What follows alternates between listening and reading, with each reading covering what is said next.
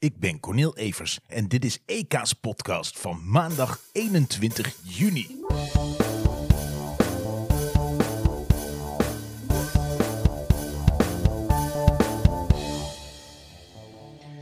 ...21 juni is het. En wat betekent dat, dames en heren? Het is zomer.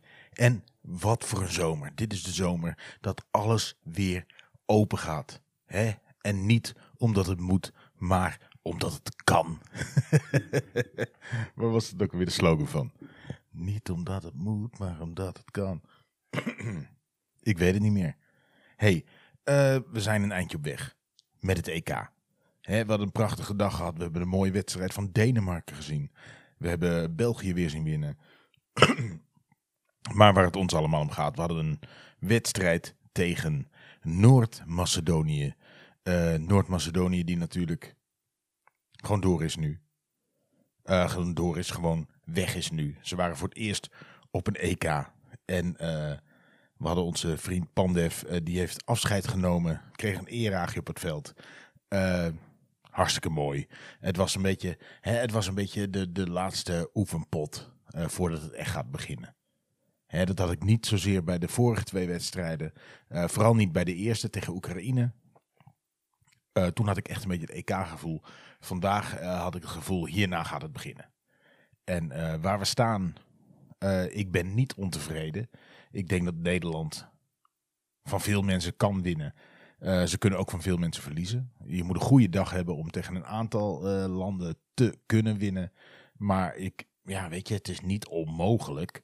Ik denk niet dat we Europees kampioen gaan worden, maar ja, het is ook niet zo dat ik zou zeggen, als we dat worden, dan hak ik mijn hand eraf. Zo, zo zeker ben ik daar ook niet van. Dus ik, denk, ik denk dat we. Um, ik denk dat we kunnen verrassen. Maar dan moeten we het wel mee hebben. Zo zit ik erin. Uh, even kijken hoor, want ik heb hier. Uh, in mijn hoofd. Italië is door. Wales is door. Uh, Zwitserland is inmiddels ook zeker door.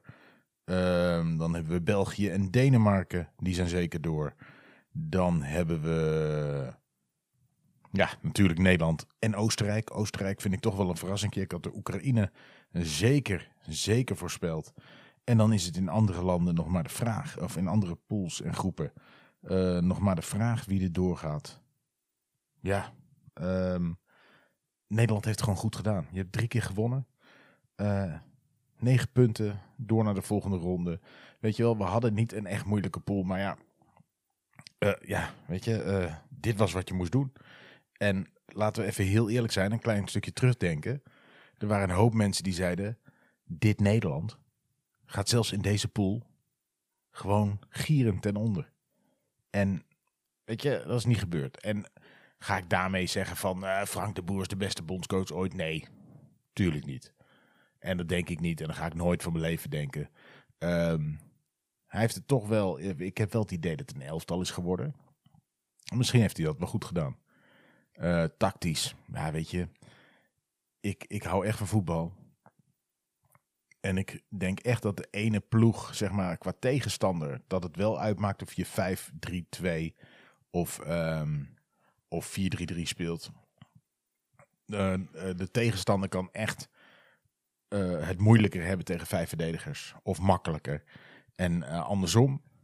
Ik, dus ik, ik denk wel dat systemen uitmaken wat dat betreft.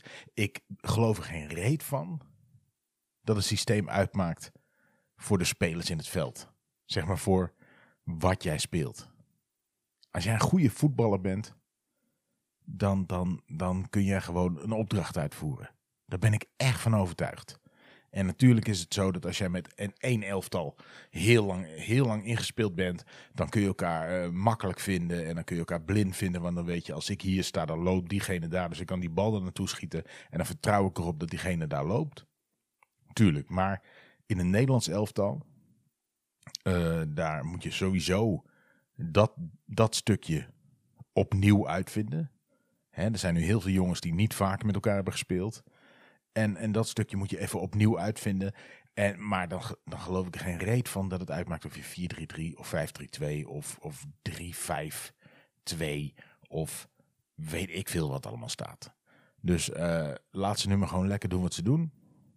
En uh, ja, dan zien we wel hoe ver we komen. Ik heb in ieder geval niet het gevoel dat we de volgende pot eh, per se kansloos ten onder hoeven gaan.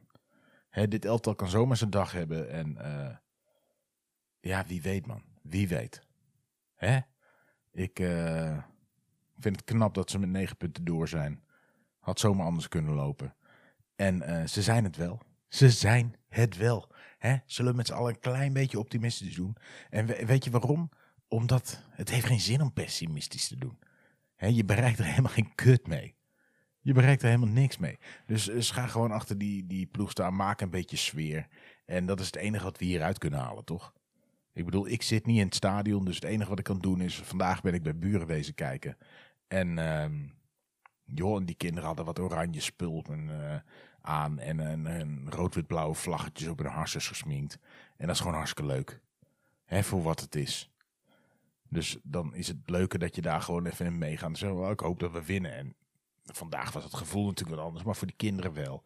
En um, ja, weet je, dan kun je daar wel heel erg aankomen. Nou, ik denk dat we vandaag, uh, als het zo moet, heb je toch niks aan. Dit is niet mijn club. Het is wel mijn land en uh, ik ben helemaal geen nationalist of wat dan ook. Maar ja, met de Olympische Spelen en met uh, een EK of WK ben ik dat even wel. Gewoon omdat dat de sport leuker maakt om te kijken, toch? Ik bedoel, Formule 1 heb ik niet heel veel mee. Maar uh, toen ik hoorde hoe Max gisteren uh, dat hij had gewonnen en mensen helemaal lyrisch waren, heb ik wel overal de filmpjes nog even opgezocht en het gekeken. Ja, uh, zo simpel is het. De, sport is is zeker de sport buiten uh, clubvoetbal voor mij is, is vermaak. En, en, en ook daadwerkelijk vermaak. Ik bedoel, ik vermaak me er ook daadwerkelijk mee. En dan is het, ja, kunnen we er al heel moeilijk over gaan doen. Maar ik vind het gewoon hartstikke tof dat dit is nu. En ik hoop dat Nederland er zo lang mogelijk in, in blijft zitten. En uh, laten we gewoon met elkaar een beetje sfeer maken, toch? Gewoon het feestje wat het kan zijn. En dan zien we wel, dan zien we wel wanneer de tap dicht gaat. ja, toch. En uh, laten we hopen dat het nog even duurt. Want uh, ja, ik vind het wel aardig. Ik vind het wel aardig. Wat ik minder aardig vind, en dat hebben jullie ook allemaal gehoord, dat die Jurgen Konings, die, die is gevonden, zijn lichaam is gevonden in België in een bos door een burgemeester van de plek waar die gevonden is. Die burgemeester was toevallig aan het mountainbiken met vrienden, raakte wat achterop. Um, rook een gekke lucht, heeft de politie ingeschakeld en daar werd een lichaam gevonden. En er werd al snel bevestigd dat het om het lichaam ging van Jurgen Konings. Um, Jurgen Konings is die extreme rechtse neonazi, ex-militair en totaal complotwappie die um, de viroloog Mark Rans had uh, bedreigd, die wapens had gestolen vanuit de kazerne, die uh, een afscheidsbrief had opgesteld, die al meerdere keren dreigementen heeft geuit richting diezelfde Mark Rans en uh, andere lieden. En um, ik gun niemand de dood. Maar ik vind niet erg dat hij weg is. ja, er zijn mensen waarvan je zegt, ik gun niemand de dood. Maar ja, er zijn, er zijn, zeg maar, als je honderd mensen hebt en een uh, Jurgen Konings. En er zou eentje van al die gasten dood moeten gaan. En dat kunnen bijna willekeurig allemaal andere mensen zijn van die, die 99. Dan zeg ik, nou ja, laat, laat hem dan maar gaan. Hè? Laat hem dan maar gaan. Maar wat gebeurt er nou? het is mooi hè. Dit klinkt ergens heel hard. Aan de andere kant, ja fuck it. Weet je, ik ben echt... Um, tegen de doodstraf. En ik vind het echt erg dat iemand zijn eigen leven neemt. En welke reden die er ook voor had. Um, het is verschrikkelijk natuurlijk. En hij zal ook nabestaanden hebben. Uh, maar van bijna alle mensen die er zijn. Vind ik het bij deze minst erg. Ja, ja toch. Dit was, dit was toch een gast die, je weet toch als je dat hele complotgebeuren een beetje volgt, dan, dan zit dit er toch in. Hè, dan weet je toch dat een keer iemand, uh, als, je, als, je een, uh, als je allemaal mensen uh, gaat ontmenselijken met je theorieën, hè, dat je beweert dat ze een kwaad duivels plan hebben met de mensheid die veel verder gaat dan dat ze je eh, geld afhandig willen maken. Dat gaat zover als dat ze je bewust eh, willen vermoorden. Dat ze je bewust willen injecteren met het een en ander, waardoor je een soort van slaafs eh, je leven gaat leiden in hun voordeel. Ehm, dat er op een gegeven moment mensen zeggen van die en die, die drinken babybloed voor hun hobby. En die misbruiken kinderen in grote kelders. Als je dat soort dingen over mensen gaat zeggen, dan onmenselijk je ze. Dan maak je een soort duivels. En mensen die het echt geloven, laat ik het zo zeggen. Als hier de duivel binnenkomt en ik zie hem voor me staan. En hij heeft hoorntjes en hij heeft uh, geitenpoten. En hij heeft een staart met zo'n punt eraan. En hij heeft een drietand in zijn handen. En hij zegt, ha, ik ben de duivel. En ik weet voor 100% zeker dat het geen carnavalskostuum is. Maar daadwerkelijk de duivel. En ik heb een mes in mijn hand. En ik weet, ik kan hem neersteken. Dan zal ik dat niet laten. Toch? Dan zal ik dat niet laten. Nou klinkt dit natuurlijk, dit gaat nooit gebeuren, want de duivel bestaat niet. Hij komt hier niet mijn kamer binnen. En ik ga niet in die situatie komen.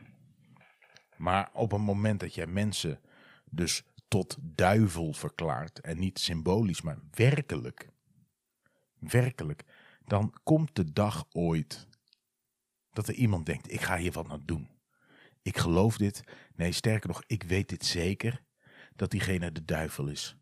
Dat diegene het kwade genius is achter alles wat er misgaat in mijn leven en ons leven. Er is op een gegeven moment een mafkees, een wappie Jehovah, die daarna gaat handelen. En een Jurgen Konings had dit aangekondigd. En waarom begin ik hierover? Omdat meteen, meteen na het nieuwsbericht begonnen de wappies alweer van, oh, dit kan nooit echt zo zijn gebeurd. Oh, wat een toeval, de burgemeester heeft er gevonden. Nou, nou, nou, nou, nou. Is hij in een bos gevonden waar hij misschien al wel een maand ligt te, te, te, hoe heet dat, te vergaan? Te ontbinden? Hè? Hoe kan het dat dan mensen met een hond hebben gelopen? Nou, ik heb ook een hond. Mijn hond die zou het echt wel ruiken. Come on. Hoezo heeft de burgemeester hem gevonden? Weet je, wappies willen altijd. Die kunnen niet tegen toeval. Die kunnen niet tegen toeval. Ze moeten altijd het nieuwsberichtje pakken als puzzelstukje en die drukken ze in hun puzzel. En dat is een puzzel die ze zelf getekend hebben. Dat is het eindresultaat wat op de doos staat als je een puzzel moet maken. Dat is een tekening die ze zelf hebben gemaakt. En elk puzzelstukje wat zij pakken, stampen ze met een botte vuist daartussen, zodat het maar past. Zodat er maar geen toeval is. Zodat er maar geen bizarre omstandigheden kunnen zijn. dus een burgemeester. Weet je, ik ga je iets vertellen over een burgemeester. burgemeester is een beroep. En een burgemeester doet, als die even geen burgemeester is, omdat hij ook wel eens gewoon vrij is, dan kan het zijn dat hij het bos ingaat. Dat zou zelfs kunnen dat hij op een mountainbike een bos ingaat. Want een burgemeester is gewoon een persoon. Een persoon met werk, dat werk heet burgemeester. En daarnaast heeft hij hobby's. Is het bizar toeval dat juist de burgemeester die gast vindt? Ja. Ja, dat is bizar toeval, want daardoor komt het nog meer in het nieuws. Snap je? Daardoor is het nog meer nieuws dat deze bizarre samenloop van omstandigheden, dat daar ook een burgemeester bij betrokken is, ja, dat is bizar. Dat is bizar. Nou, de wappies gaan er meteen op los. Een burgemeester. Het maakt niet uit wie hem gevonden had. Het maakt niet uit wie hem gevonden had. Nu is het namelijk dit, de burgemeester heeft gevonden. Oh, de burgemeester, zie je wel, die wil iets voor ons achterhouden als het oud omaatje is, dan was het oude omaatje volgens de wappies omgekocht om dit te zeggen, want dat kan ook nooit. Maar het ergste vind ik, het aller, aller, aller, allerergste vind ik, dat de wappies een soort martelaar maken van een neonazi. Van een extreemrechtse mafkees die wapens heeft gestolen om iemand te beschadigen.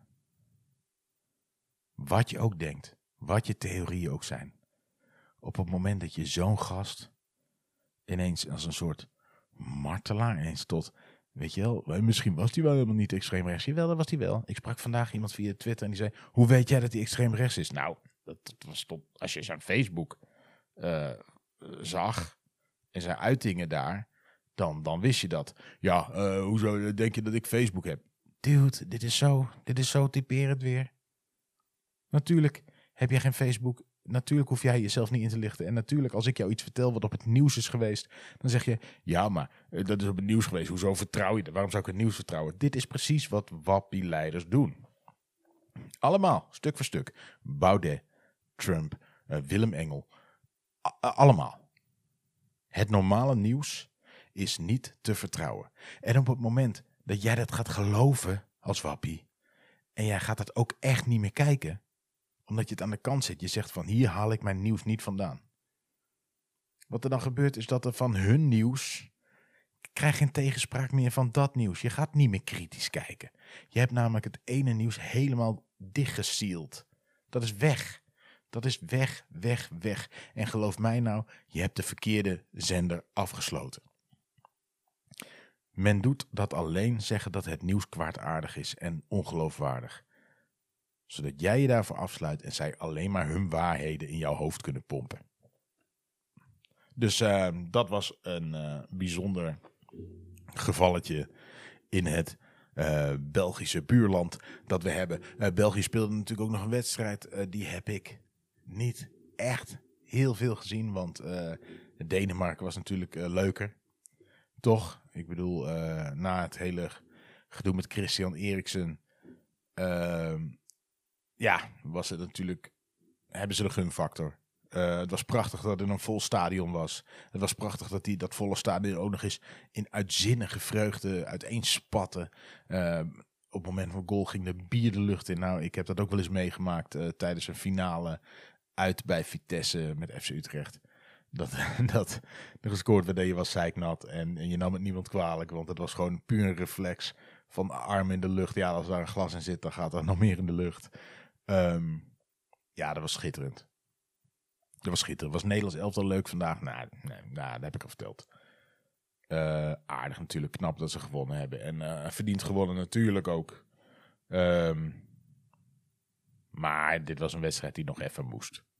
En we hadden ook uh, Noord-Macedonië best kunnen laten winnen. Toch, dat ons niks uitgemaakt. Maar um, ja, heb ik toch wel over wappies verteld. Maar het, weet je, het houdt me wel echt. Hou er gewoon mee op. Je ziet ze nu in zulke bochten wringen. Van hoe gaan we alles wat er nu gebeurt. Uh, ik kreeg ook de belofte. Iemand die had een tweet van mij opgeslagen. Dat hij, dat zei: Ben je voor de tweede keer gevaccineerd? Ik zei ja. Dan spreek ik je begin oktober wel weer. Want die denkt dat ik dan dood ben vanwege die vaccinatie. En toen heeft hij ook de tweet uh, opgeslagen. En een je hebt een soort reminder tweet of zo. Dat je zegt van ik wil aan deze tweet herinnerd worden op die en die datum. En dan is er een bepaald soort bot die dat voor je doet. Een soort uh, ja, een Twitter account. Dus ja, ik ben benieuwd. uh, uh, laten we zo zeggen. Het is voor ons een win-win situatie. Nou, niet helemaal. Want ik wil niet dood. Maar of we overleven het en we zijn de echte helden. Hè, want wij hebben toch als gevaccineerden dan gezorgd dat de pandemie voorbij is en de vrijheden weer terug zijn. Dat is waar ik 100% van uitga. 100%. Hè, er kan nog best een keer een piekje komen onder niet-gevaccineerden. Dat zou best kunnen, weet ik niet.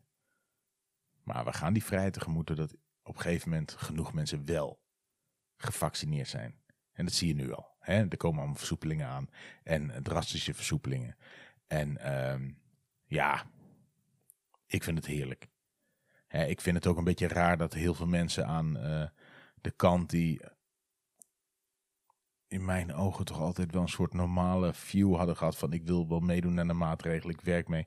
Dat die nu soms een beetje in een soort Stockholm-syndroom uh, blijken te zitten dat op het moment dat versoepelingen zijn, dat ze altijd zijn er andere paar die schreeuwen, nee, moet later, moet later, moet later. Terwijl ik denk, jongens, doe nou gewoon wat je altijd hebt gedaan.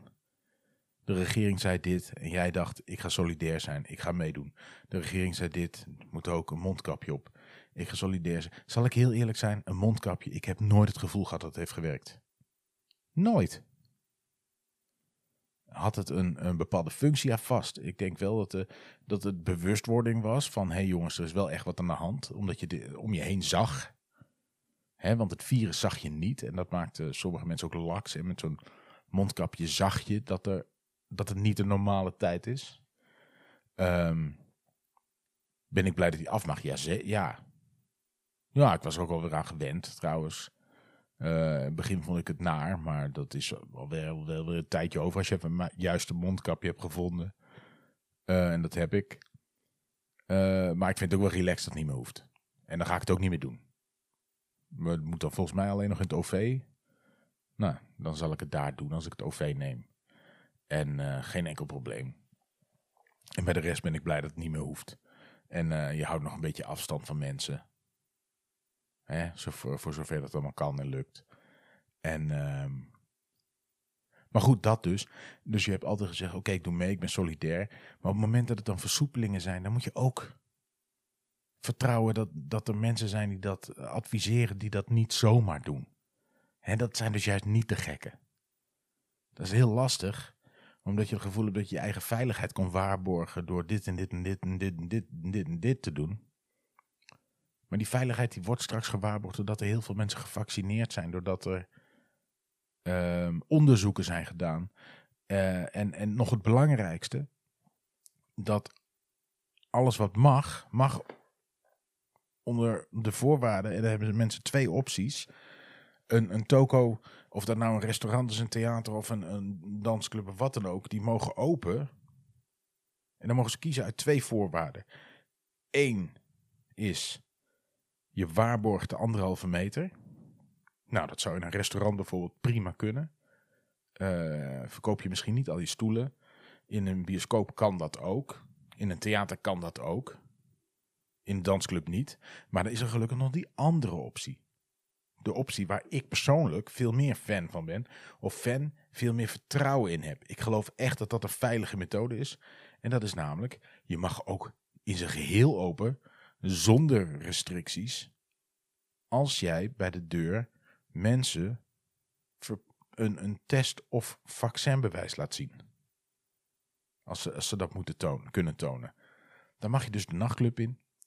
Uh, ik gok ook dat restaurants dat gaan doen. Want op het moment dat je al je tafeltjes weer mag vullen, jongens, dan dat is gewoon omzet. En dat is omzet die ze mislopen als ze alles op anderhalve meter moeten houden. Een bioscoop, die kan straks ook vragen naar dat. Ik zou, ik zou het doen. Dan mag je die hele zaal weer vol plempen. Dat is omzet.